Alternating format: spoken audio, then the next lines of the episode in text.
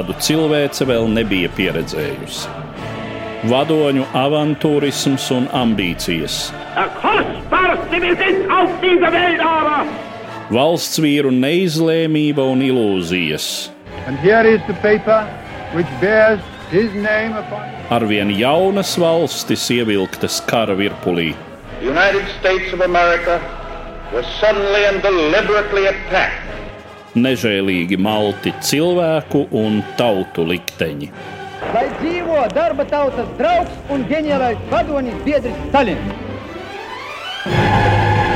Otrais pasaules karš sarunās ar Eduardu Liniņu raidījumu ciklā Satumsums.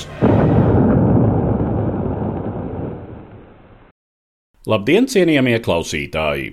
Šodien es turpinu vēstījumu par Otrā pasaules kara norisēm, kurā izmantoti fragmenti no raidījumu cikla Satumsums, kas pirmoreiz ēterā izskanēja no 2009. līdz 2015. gadam. Šodien par norisēm Latvijā 1944. gada vasarā, kad kara darbība atkal sasniedza mūsu valsts teritoriju, krasi mainot daudzu Latvijas pilsoņu likteņus. 1944. gada vasarā Vācijas bruņotie spēki cieta smagu sagrāvi Baltkrievijā, kuras rezultāts bija sarkanās armijas ielaušanās arī Latgalē un Zemgalē. Stāsta vēsturnieks Latvijas Nacionālās aizsardzības akadēmijas pētnieks Valdis Kuzmins. Šajā gadījumā taču būtu jādala divās daļās šī kaujas darbība Latvijas teritorijā un vispār armiju grupas ziemeļa rajonā ir kaujas zemgalē, jūlijā beigās, augusta sākumā, un pēc tam, kuras turpinājās līdz augusta beigām, tāda pirmā Baltijas frontes sektorā, un pēc tam mēs varētu apskatīt kaujas darbību, kas notika jūlija beigās Latgalē un Vidzemes augstienē pie Madonas un Ērģiena. Vācu Padomju Savienības sarkanās armijas frontes līnija noteica operāciju Bagration, respektīvi Vācu armiju grupas centrs sagrāve Baltkrievijas teritorijā, Minskas apkārtnē. Un izveidojās tā saucamais Baltijas caurums. Sarkanās armijas pirmā Baltijas fronte, kuru komandē armijas ģenerālis Bagram Jans, ieguva brīvu telpu 50 līdz gandrīz dažās brīžos un vietās 100 km platumā, kur nebija vispār nekāds vācu bruņoto spēku vienību. Vācieši druģēni mēģināja uzbūvēt frontes līniju no jauna. Tas tika panākts pārsviežot karaspēku vienības gan no Rumānijas, gan no Polijas austrumdaļas, gan arī no Norvēģijas, gan arī no citām vācu okupētajām teritorijām. Tas arī izdevās. Tomēr galvenais, Baltijas caurums, ļāva Pirmajai Baltijas frontei. Tās sastāvā arī bija ļoti spējīga 5. gvardas tanku armija, komandēja viņa Rotmistrovs. Diezgan slavens ģenerālis. Un šīs vienības sāka uzbrukumu cauri Lietuvas ziemeļdaļai, virzienā uz Rīgas jūras līci ar mērķi nogriezt armiju grupas centrus komunikācijas ar vispārējo Vācijas teritoriju. Latvijas teritorijā izveidojas divi tādi lieli kaujas darbības rajoni. Pirmais ir Zemgala ar galvenajiem smagpunktiem pie Jelgavas, Bauskas un salīdzinoši īstu brīdi arī Rīgas jūras līča piekrastē pie Klapkalna ciemas, Lokas un arī pie Tukuma. Un otrs tāds liels rajons pie Latvijas austrumu pierobeža Latgale, Daugopils, Lūdza un nedaudz arī Latvijas ziemeļa daļa Alūksnes apkārtnē, kur kaujas darbība sākās jūlija beigās. Pirmās vienības, kas sasniedza Latvijas teritoriju, vienmēr tiek runāts, ir 18. jūlijas, kas bija otrās Baltijas frontes sektorā, Šķaunas rajonā. Un jūlijā sākumā jau tur tā ļoti grūti pateikt, kur ir tā pirmā diena, ir pirmās Baltijas frontes kaujas darbība uz dienvidiem no Daugopils kur notiek mēģinājumi ieņemt Daugopilu un nodrošināt šo uzbrukumu caur sēliju. Izveidojot šim Baltijas caurumam, Vācu vienības ļoti bieži izmantoja rezerves apmācības vienības, lai veidotu improvizētas kaujas grupas, kuras iesaistīja frontē. Lielākā karaspēka vienība, kas atradās Zemgalē, bija Latvijas leģiona 15. rezerves un apmācības brigāde. Kā var spriest pēc nosaukuma, galvenais šīs brigādes uzdevums bija Latvijas jauniešu mobilizācija, apmācība un rezerves vienību formēšana, kas pēc tam tika sūtītas uz Latvijas leģionu 15. un 19. divīziju, kuras tajā laikā vēl atradās Krievijas teritorijā, Bordeaux Kudeveres rajonā. Un šī improvizācija bija, varētu teikt, daļēji sekmīga. Piemēram, Bauskas apkārtnē tur tika iesaistīti arī policijas bataljoni no Bauskas brīvprātīgajiem, vietējiem aizsargiem un vienkārši brīvprātīgiem cilvēkiem, kuriem diezgan daudziem arī vispār nebija nekāda militāra pieredze, tika saformēts Bauskas brīvprātīgo aizstāvu bataljons. Tā bija improvizācija ar ļoti neadekvātiem ieročiem. Jūlija beigās, augusta sākumā viņi bija spiest piedalīties kaujās cieta arī diezgan smagus zaudējumus, piemēram, pie jaunišķiem, kur pirmās vienības, kuras sūtīja no zemgales uztvert uzbrukošās sarkanās armijas daļas, nokļuva kaujas situācijā ar tanku vienībām. Trešais mehanizētais korpus, kurš virzījās uz priekšu, praktiski pārbrauca šiem pirmajiem improvizētajiem bataljoniem pāri. Mēs varam teikt, tas viss bija atkarīgs no katra komandiera individuālās harizmas, viņa cīnīties gribas un autoritātes karavīru vidū. Tie komandieri, kas spēj spēja to nodrošināt. Nu, Jālgavas apkārtnē, Bauskas apkārtnē ir liecības par kaujām gan pie džūkstes, gan pie blīdenes, praktiski viscaur zemgalei un dienvidu austrumu kurzemē bija aizsargi, atvaļinājumā esošie leģionāri, pusapmācīti jaunieši, kuri iesaistījās šajās kaujās un mēģināja aizkavēt sarkanās armijas virzīšanos uz priekšu. Kā jau teicu, vairāk zināmā Bauska un arī Jelgava, kur niknās cīņās 31. jūlijā, 1. augustā Jālgavas pilsēta arī tiek ieņemta un, diemžēl, kļūst par to Latvijas pilsētu, kas visvairāk cieta Otrajā pasaules karā. Mēs zinām, ka no Jālgavas nav palicis praktiski nekas pāri, atsevišķas baznīcas. Galvenais iemesls bija šīs niknās cīņas aviācijas uzlidojumu. No abām pusēm, no vācu bruņoto spēku puses šai kaujās piedalījās Latviešu leģionu, gaisa bumbvedēju eskadrīļas, kuras ļoti intensīvi darbojās septiņu uzlidojumu naktī. Tas bija tāds savu veidu rekords kas, protams, tikai veicināja Jālgavas nopostīšanu. Tā bija kaujas darbība. Tur nevarētu teikt, ka vai nu krievi speciāli nodedzināja vai vācieši speciāli nodedzināja. Tā bija kaujas darbība pilsētā. Liela daļa no koka apbūves karstā vasaras laikā, protams, ļoti smagi cieta. Tagad no Jāgaunas pat nav ielas saglabājušās. Tās ielas, kas šodien ir, nosaukums ir, bet iela iet pār desmit metrus pa labi vai pa kreisi, un tas viss tika uzbūvēts pilnīgi no jauna. Galvenais šeit pirmās Baltijas frontes uzdevums bija nevis Jāgaunas ieņemšana, vai, piemēram, Bauskas ieņemšana. Tie bija absolūti otršķirīgi uzdevumi. Pamat uzdevums bija ieņemt tukumu un sasniegt jūras līci. Šo uzdevumu īstenošanai pietrūka spēki. Viņi jau atradās kaujas darbībā no 23. jūnija. Tanki pa putekļainiem ceļiem ātri zaudē motora resursu. Baltijas jūra viņi sasniedza, bet šo izvirzījumu aizsargāt iespējas viņiem bija ļoti ierobežotas. Līdz ar to šīm improvizētajām latviešu vienībām un arī vācu vienībām, kas lēnā garā nāca klāt, tomēr izdevās pirmām kārtām jau 4. un 5. augustā mēģināt ieņemt Jāgaunu atpakaļ. Un galvenais pretrieciens, kas veicināja frontes stabilizāciju, sākās 15. un 16. augustā. Šis ir klasisks piemērs, cik spējīgas bija vācu ģenerālštāps vācu dzelzceļa sistēmas un vācu jūras spēku funkcionēšanas spējas. 39. tanku korpus, kurš bija paredzēts kā galvenais pretuzbrukuma trieciena spēks, piemēram, 4. tanku divīzija, 9. augustā vēl atradās Varšavas piepilsētās, kur viņi bija sīvās kaujās ar sarkanās armijas tanku vienībām. Savukārt jau 16. augustā jau atradās pie Škodas un jau pie augstas priekšējās vienības jau iesaistījās kaujā. Trīs tanku divīzijas, vēlāk vēl divas tanku divīzijas kopā tika pārsviestas nepilnas nedēļas laikā. Izveidots diezgan spējīgs tanku triecienu grupējums, kurš arī sāka šo uzbrukumu 16. augustā pie paša tukuma kaujas darbībā piedalījās tāda improvizēta tanku divīzija, Grāfs von Strahvits, ļoti slavens tanku ģenerālis, kas naktī uz 20. augustu veic tādu reidu no Džukas Lestens apkārtnes tukuma virzienā, un divas sarkanās armijas strēlnieku divīzijas tiek nogrieztas. Šajās kaujās vienīgo reizi Otrā pasaules kara laikā Latvijas teritorijā tieši tika izmantots jūras uguns atbalsts, Smagais kreisers Princis Eižens 20. augustā izšāva 265 smagos šāviņus tukuma apkārtnē. Šis atbalsts jūtams ir bijis, jo šis smagais kalibrs bija ļoti iespaidīgs. Un naktī uz 21. augustu Bagrabjāns dod pavēli atkāpties šīm divām strēlnieku divīzijām īss koridors sauszemes satiksmē tiek atkal nodrošināts, grandiozais armiju grupas ziemeļielēkums netiek sasniegts, un faktiski līdz pat septembra vidū šajā rajonā frontes līnija ir nostabilizējusies. No Bauskas, tad gar Lielupes upi līdz Jelgavai. Jelgavas rietumu daļa, Lielupas rietumu krastā atrodas sarkanās armijas rīcībā, Jelgavas daļa, kas atrodas Lielupes austrumu krastā, Vācu bruņoto spēku kontrolēta.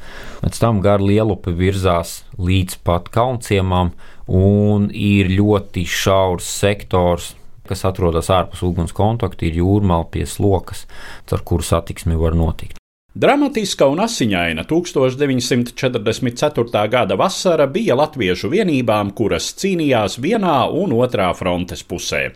Kā ieroču SS latviešu divīzijām un citām latviešu vienībām Vācijas bruņotajos spēkos, tā latviešu strēlnieku divīzijai un vēlāk korpusam sarkanās armijas sastāvā.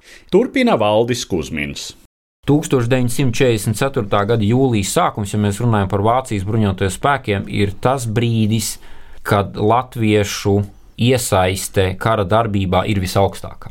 Te šeit mēs varam runāt par divām latviešu divīzijām, rezerves brigādi, robežu apsardzības pulkiem. Kopā viņi bija saformēti seši, bet jūlijā sākumā daļa jau bija izformēta. Mēs runājam par policijas pulkiem, kas bija trīs, un atsevišķiem policijas bataljoniem. Ja mēs tā savākam visu kopā un saliekam visu uz papīra, cik daudz latviešu bija iesaistīti, mēs varam runāt par trijām, četrām divīzijām kaujas spējas bija ļoti atšķirīgas. Robežu apsardzības pulki bija salīdzinoši stipri zemākā kaujas spēja līmenī nekā, protams, 19. divīzija. Daži bataljoni bija labāki, daži policijas bataljoni bija sliktāki, bet šī masveidīgā iesaiste, mēs jau varam runāt par tiem līmeņiem, ko piemēram Latvijas bruņotie spēki paredzēja mobilizēt pirms otrā pasaules kara Latvijas armijas mobilizācijas plānos līdz 120 tūkstošiem Vācijas bruņotajos spēkos iesaistītajiem dažādās vienībās. 10. jūlijā abas šīs Latvijas divīzijas, 15. un 19. bija vis tālāk uz austrumiem izvirzītās Vācu bruņoto spēku vienības. Un situācija, kad armija grupu centrs bija pilnīgi iznīcināta, bija paredzēta atkāpšanās līdz Opočkai, tas būtu nepilni 100 km. Un 10. jūlijas, manuprāt, to varētu saukt par vismelnāko Latvijas leģionu dienu abas divīzijas praktiski tiek iznīcinātas. Divīzijas, kā centralizēti vadītas karaspēka vienības, pārstāja eksistēt. Cik var spriest pēc dokumentiem, kas ir saglabājušies 15. divīzijas kaujas dienas grāmatas un arī nu, augstāk stāvošo štābu vienībām. Armija grupas ziemeļa vadība neticēja, ka šajā sektorā sarkanā armija varētu sākt aktīvu kara darbību. Tātad izlūkošana nogulēja šo otrās Baltijas frontes pārgrupēšanos, un armijas ģenerāļa Rjomenko otrās Baltijas frontes uzbrukums bija absolūts pārsteigums. Atkāpšanās sākās naktī no 10. uz 11. jūliju, un atkāpšanos plānoja sekt 19. divīzijas sektorā četri kājnieku bataljoni. Tajā pašā laikā uzbrukumā devās praktiski visa 10. gvardas armija. Tas bija milzīgs ceļa rullis, kas vienkārši pārvēlās Latviešu vienībām, automātiski sākās panika un Tālākais bija atkarīgs no katra individuāla komandiera autoritātes, drosmes, taktiskās izpratnes un kā nu kurai vienībai paveicās. Tas pats notika arī 15. divīzijas sektorā. Ja mēs skatāmies 15. divīzijas kaujas dienas grāmatā, tad uh, vairākas nedēļas no 14. jūlija līdz jūlija beigām divīzijas štābam nav ko rakstīt. Viņam nav ne mazākās informācijas, kur atrodas atsevišķi puļki, vienības. Zaudējums pēc tam vilka kopā vairākus mēnešus, un šie zaudējumi nepilnas nedēļas laikā, no 10. līdz 17. jūlijam, gandrīz bija tikpat lieli, cik visā 15. divīzijas pastāvēšanas vēsturē līdz tam. Un 18. jūlijā notiek sanāksme Mērķens pagasta valdē, Daži no fragmentiem ir aprakstījis šīs sanāksmes dalībnieks Pūkvedis Rudolfs Kociņš. 15. divīzija bija jau paredzēts pārvest uz Vāciju, viņu uz Vāciju arī pārved. Jautājums bija, ko darīt ar 19. divīziju. Un kas ir diezgan interesanti, 19. divīzijas komandieris Strekenbachs uzdot tādu demokrātiski, kolēģiāli jautājumu, ko latviešu virsnieki domā darīt tālāk. Un, lai gan, piemēram, Pūkvets Lobi teica, ka vajadzētu domāt par partizāņu kustības veicināšanu, tomēr tiek pieņemts lēmums turpināt cīņu pret sarkanu armiju regulāras karaspēka vienības formā. To latviešu virsnieki atbalsta. 19. divīzija tiek praktiski pārformēta, tiek izveidota kaujas grupa, un šeit viņi nevis izmanto Vācijas bruņoto spēku štatu sarakstus, bet paziņo tā, mums būs tik daudz vienības, cik mums būs spējīgi virsnieki šīs vienības var komandēt. Rotu komandieri, bataljonu komandieri. Un jau 27. jūlijā, nepilns desmit dienas vēlāk, 19. divīzija, tajā brīdī viņš sauc par Strekenbacha kaujas grupu, iesaistās kaujās Lubānas apkārtnē, un šīs kaujas Lubānas apkārtnē bija viens no sekmīgākajām latviešu leģionu vēsturē. 19. divīzijas manevri uz rietumiem no Lubānas ezera līdz pat Cesvainē nepilnās divās nedēļās. Arī no mūsdienu viedokļa ir sasniegums un interesanti pētniecībai militāriem vēsturniekiem. Kāda ir tā kaujas situācija, cik lieli padomju spēki tur ir jānotur? Padomju plāni bija sekojoši divām Baltijas frontēm, otrajai un trešajai. Bija jāizmanto pirmās Baltijas frontes panākums Ziemeļ, Lietuvā un Zemgolē, un tas uzdevums viņiem bija no Latvijas austrumu pierobežas. Otrajai Baltijas frontē caur Daugopilu un Rēzekni, vēlāk Krustpilu bija jāsasniedz Rīga, un līdz ar to armija grupas ziemeļi sagrāva jāpabeidz uz ziemeļiem no Daugavas upes. Kopā šo Baltijas frontes sastāvā bija nepilni 800 tūkstoši karaspēka, bija tanku korpusi, tanku vienības. 18. jūlijā pirmās vienības jau bija Latvijas teritorijā, 27. jūlijā otrās Baltijas frontes vienības ieņēma Rēzekni un arī Daugopilu. Šeit norisinājās ļoti interesants kaujas arī no vispārējās militārās vēstures viedokļa, piemēram, kaujas uz ziemeļiem no Daugopils, viena no retajām plaša mēroga tanku kaujām. Viens no slavenākajiem komandieriem, Otto Karijus, savos memoāros šo kauju pie Maļinovkas sāģes ir ļoti sīki aprakstījis. Tas kauju rezultāts, tātad 27. jūlijā Daugopili ieņem, bet plānotā ielenkšana un iznīcināšana nenotiek. Nākamais interesantais posms ir 1. augusts, kas saucas Otrās Baltijas frontes Madonas operācija. Uzbrukuma sākums ir 28. jūlijas, un padomju plāni bija diezgan ambiciozi. Tātad līdz 2. augustam bija jāieņem līnija Galgauska Madona Krustpils, savukārt līdz 10. augustam sarkanās armijas vienībām jau bija jābūt Rīgā. Madonas operācija ir interesanta ar to, ka šeit pirmo reizi plaša mēroga kaujās piedalās arī 130. latviešu strēlnieku korpus, 43. gārdas strēlnieku divīzija un 308. latviešu strēlnieku divīzija. 7. un 8 augustā nu, viņi iesaistās Krustpils ieņemšanas operācijā. Smagākās kaujas notika no 22. līdz 26. augustam. Ērgļu operācijas ietvarā kad 22. armija jau pārcēlusies pāri Aiviekstei. 130. latviešu strēlnieku korpusu cēlās pie Aiviekstes Hesa pāri un pēc tam uzbruka tālāk vietālus virzienā, kur jau četrās dienās atkal dažas no vienībām nonāca ielēkumā pie vietālus baznīcas, pie pagastnām, pie skolas un kaujās cieta diezgan smagus notikumus. Šīs vietālus kaujas līdz pat šodienai vēl aizvien ir 130. latviešu strēlnieku korpusa piemiņas diena un slavenākā kauja.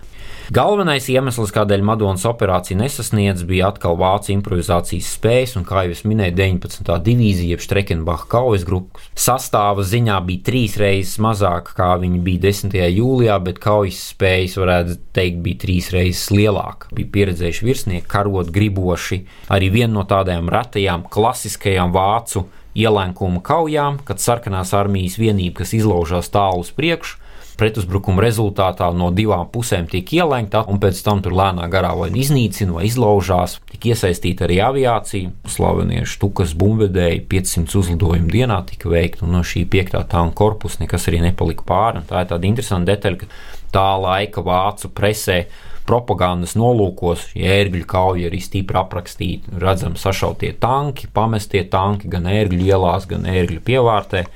Un kauju rezultātā otrā Baltijas fronte praktiski nosiņo. Kustīgā kara principus vācieši spējīgi izmantot daudz prasmīgāk nekā sarkanās armijas vienības, neskatoties uz šiem pārsteidzošiem panākumiem mēnesi atpakaļ jūnija beigās Baltkrievijā. 1944. gada vasarā savu pastāvēšanu sāka arī bruņotā vienība, kuras darbība saistīta ar mēģinājumu izveidot latviešu spēkus, kuri kara finālā varētu cīnīties par Latvijas neatkarības atjaunošanu. Runa ir par ģenerāļa Jāņa Kureļa komandēto vienību jeb kureliešiem. Stāsta vēsturnieks Latvijas Universitātes Latvijas vēstures institūta pētnieks Uldis Neiburgs. Jānis Kurēls, kā mēs zinām, Latvijas armijas ģenerālis. Viņš piedalījās Pirmā pasaules karā. Latvijas strēlnieku rindās viņš cīnījās 5. zemgāles Latvijas strēlnieku pulkā un vēlāk kļuva par eh, tā saucamo Imants pulka komandieru, kas bija Krievijā, tātad Vladivostokā. Un šo Imants pulku viņš veica ar šo ceļu vēlāk atpakaļ uz Latviju un eh, vēlāk dienēja Latvijas armijā līdz savai atvaļināšanai. Otrā pasaules kara laikā sākotnēji viņš arī mēģina pieteikties eh, kārtības dienestā, jo acīm redzot, bija nepieciešama kaut kāda iztika vai kaut kāda nodarbošanās. Bet uh, iespējams, ka viņi uzskatīja, ka viņš jau pa vecu vai, vai izdienējis viņu sākumā dienestā nekādā neuzņem. Tad viņš strādā vienā apsardzes kompānijā par vadītāju. Bet jau vēlāk, tad 43. un 44. gadā, kad ir centieni atjaunot šo Latvijas aizsargu organizāciju, un Vācija 44. gadā to arī atļauj, tad viņš kļūst par šīs saucamās militārās grupas kas tiek veidot no Rīgas apriņķa aizsargu pulka vadītāja. Šie 4. gada vasarā varētu teikt divu pušu intereses. Ja no vienas puses vācu intereses ir eh, iesaistīt pēc iespējas vietējos resursus, tā skaitā kaujas spējīgus vīriešus fronts līnijas nostabilizēšanā, No otras puses, protams, ir vietējo latviešu cilvēku bažas par uh, padomju okupācijas atjaunošanos. Un uh, varētu teikt, ka tas ir tāds apusējs process, ja šī aizsargu organizācijas atjaunošana, šo militāru vienību veidošana. 44. gada 28. jūlijā vidzemē, tas ir Krievijas pagastu robežu mājās, tiek izveidota šī ģenerāļa kureļa grupa. Tur saplūst apkārtējo pagastu iedzīvotāji. Un, ja mēs skatāmies, kureļu grupas štāba dienas grāmatā, arī tur var redzēt, ka nu, attieksme ir dažāda. Piemēram, ir vietējie pagastu priekšnieki vai policijas priekšnieki. Ja daļa ir, kas atbalsta kureliešus, palīdz viņiem ar apgādi, ar, ar materiāliem un tā tālāk. Daļa ir tādi, kas pilda tikai kaut kādus akli vācu rīkojumus, daļa pat ir tādi, kas paši tur pamet savus posteņus, dodas bēgļu gaitās. Bet tas kureliešu kodols, es gribētu teikt, kas ir pārliecināts nacionāli noskaņot virsnieki, kā kapteinis Upelnieks, Pulkvedis Liepiņš un citi, kas arī ir Latvijas armijas ar brīvības cīņu pieredzi. Viņi veido šo kureļu grupas štābu, un viņu mērķis ir uh, darīt kaut ko, lai no vienas puses novērstu padomju armijas ierašanos atkal Latvijā, no otras puses tā doma ir sagaidīt tā saucamo X stundu, kad padomju armija vēl nebūtu ieņēmusi pilnībā Latvijas teritoriju, bet vācu karaspēks būtu sācis atkāpties, tad viņi varētu neatkarīgi rīkoties. Gan ģenerālis Kurels, gan kapteinis Upelnieks bija arī Latvijas centrālās padomas militārās komisijas locekļi. Jau 1944. gada maijā tāds Latvijas leģiona pulkvedis Vils Janums bija izstrādājis LCP vajadzībām militārās eh, bruņošanās un apgādes plānu, ko paredzēja iegūt ārzemēs. Sūtnis Valdemārs Salnais Stokholmā tur slepeni vedas sarunas ar visādām Somu, Zviedru institūcijām.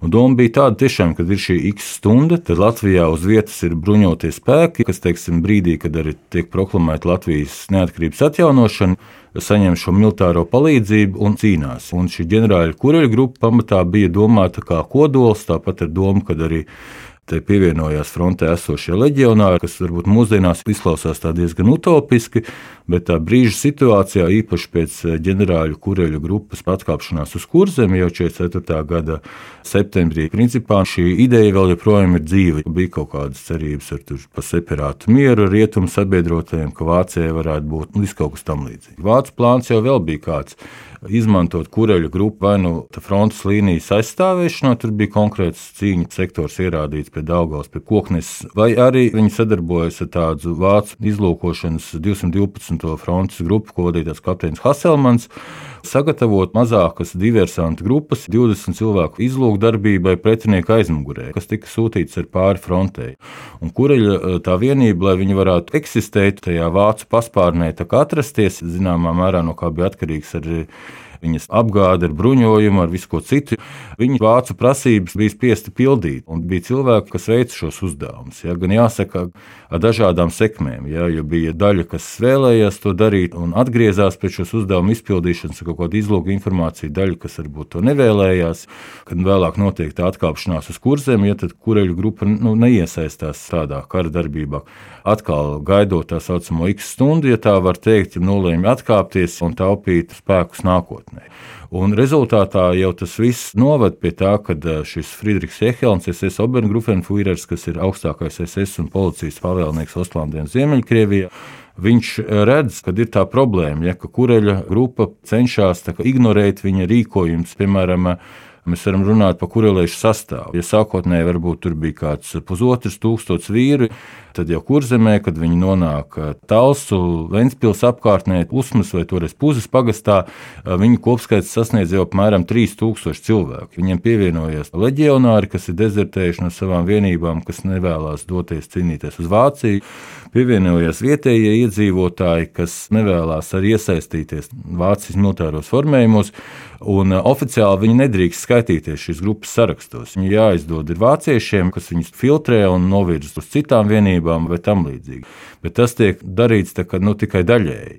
Un visu laiku ir tā lavierēšana. Ja oficiālā līmenī pats Kurelis un Rupelnieks var izdot dažādus rīkojumus, Ir vairākas arī tikšanās Jēkabas štābā Talsos 44. gada jau oktobrī, novembrī, kur ir sarunas tieši par to, kurēls un upelnieks saka, paziņojiet, ka Vācija ir ar mieru atzīt Latvijas neatkarību un eh, pieteiksies daudz latviešu bruņot vīru cīņā pret lielniekiem un tā tālāk. Protams, Vācijas politika nav tāda. Tur ir melīgi solījumi, jā, ka mēs to darīsim, vai Fīrers to mutiski ir apsolījis.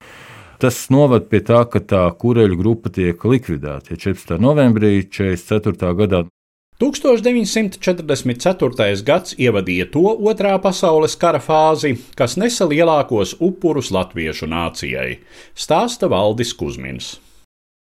Nekādi priekšdarbi Latvijas teritorijas aizsardzībai, vai vismaz Latvijas teritorijas evakuācijai vai civiliedzīvotāju aizsardzībai netika veikti Vēsturnieks Kārls Kangers ir diezgan plaši aprakstījis, kādi bija Vācijas okupācijas varas plāni un kā šie plāni tika īstenoti. Piemēram, nu, mēs varam nosaukt Latvijas policijas darbinieku un viņa ģimenes locekļu evakuāciju. Nu, praktiski nekādā veidā nenotika.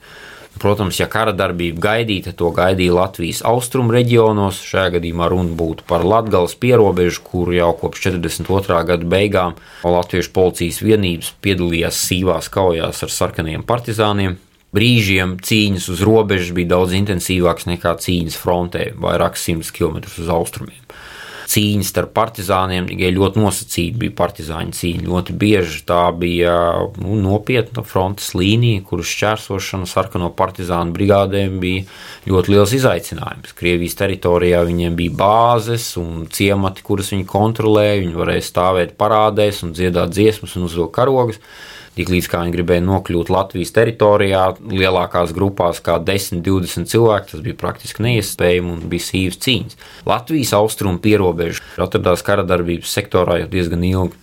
Bet pierobeža pati par sevi nebija gluži piemērota plaša mēroga militārām operācijām. Ceļu tīkls nebija augstākajā līmenī, lai tur varētu tanku armijas pārvietoties un sekmīgi uzbrukt. Šeit varēja runāt par atsevišķiem tanku korpusiem, simts, ne vairāk tanki vienā uzbrukuma reizē. Un šī pretestība Latvijas austrumu pierobežā varēja būt daudz sekmīgāka. Bet, ja mēs runājam par pārējo Latvijas daļu, tas bija ļoti negaidīti, un savā ziņā arī tas izraisīja brīvprātīgo pieplūdumu arī Latvijas leģionu vienībās. Pulkvedis Kārs Lobi izplatīja savu uzaicinājumu, ir liecības par aizsargiem, kas brīvprātīgi piesakās un iestājās, piemēram, Latvijas leģionā, tajā pašā izlūku bataljonā, kā viņi sauc, Laumaņu bataljonā. Ir zināmas vienības, kas ir no viena pagasta aizsargiem sastāvošas, kas cilvēki saprot, ka kara darbība nonākusi Latvijā, un lai kāda būtu viņa attieksme pret vācu okupācijas iestādēm, vispār, un Latviešu leģionu konkrēti ļoti daudzi bija ar mieru šajās vienībās iestāties. Līdz ar sarkanās armijas nonākšanu Latvijas austrumu apgabalos sākās totāla iedzīvotāju mobilizācija. Ja Latviešu leģionā varēja nemobilizēt kādu, piemēram, ģimenes galvu, ja ģimenē ir nav apgādnieka, vai, piemēram, ir trīs bērni, ja tā saucamās UK kartes tika dalītas un pirktas, kur varēja izvairīties no šīs mobilizācijas. Tad ienākot sarkanajai armijai, mobilizācija jau bija absolūti līdzīga kā ražas novākšana. Ko mēs ļoti bieži aizmirstam, bija vairāki tūkstoši Latvijas iedzīvotāji, kuri pamanījās karot abās karojošās pusēs, un tas nav viens vai desmit vai simts. Šeit mēs varam runāt Latvijas mērogā par tūkstošiem šādu gadījumu. Un, protams, tas lielākais trieciens bija bēgļu gaitas, kurās devās simtiem tūkstošu Latvijas iedzīvotāju cauri vidzemi uz Rīgu un tālāk uz Kurzemi, no kuriem daļa pēc tam 44. gada beigām ar kuģiem tika izvesta jau uz Vācijas teritoriju. Simtiem tūkstošu Latvijas iedzīvotāju zaudēšanu, kas tā arī neatgriezās Latvijā pēc kara darbības beigām. Līdz ar to izskan mūsu raidījums, kas bija veltīts norisēm Latvijas teritorijā 1944. gada vasarā. Dzirdējāt vēsturniekus Latvijas Nacionālās aizsardzības akadēmijas pētnieku Valdi Kuzminu un Latvijas Universitātes Latvijas Vēstures institūta pētnieku Uldi Neiburgu. Uz redzēšanos, cienījamie klausītāji! Raidījumā šīs dienas acīm cikls Satumsums - sarunas par Otro pasaules karu.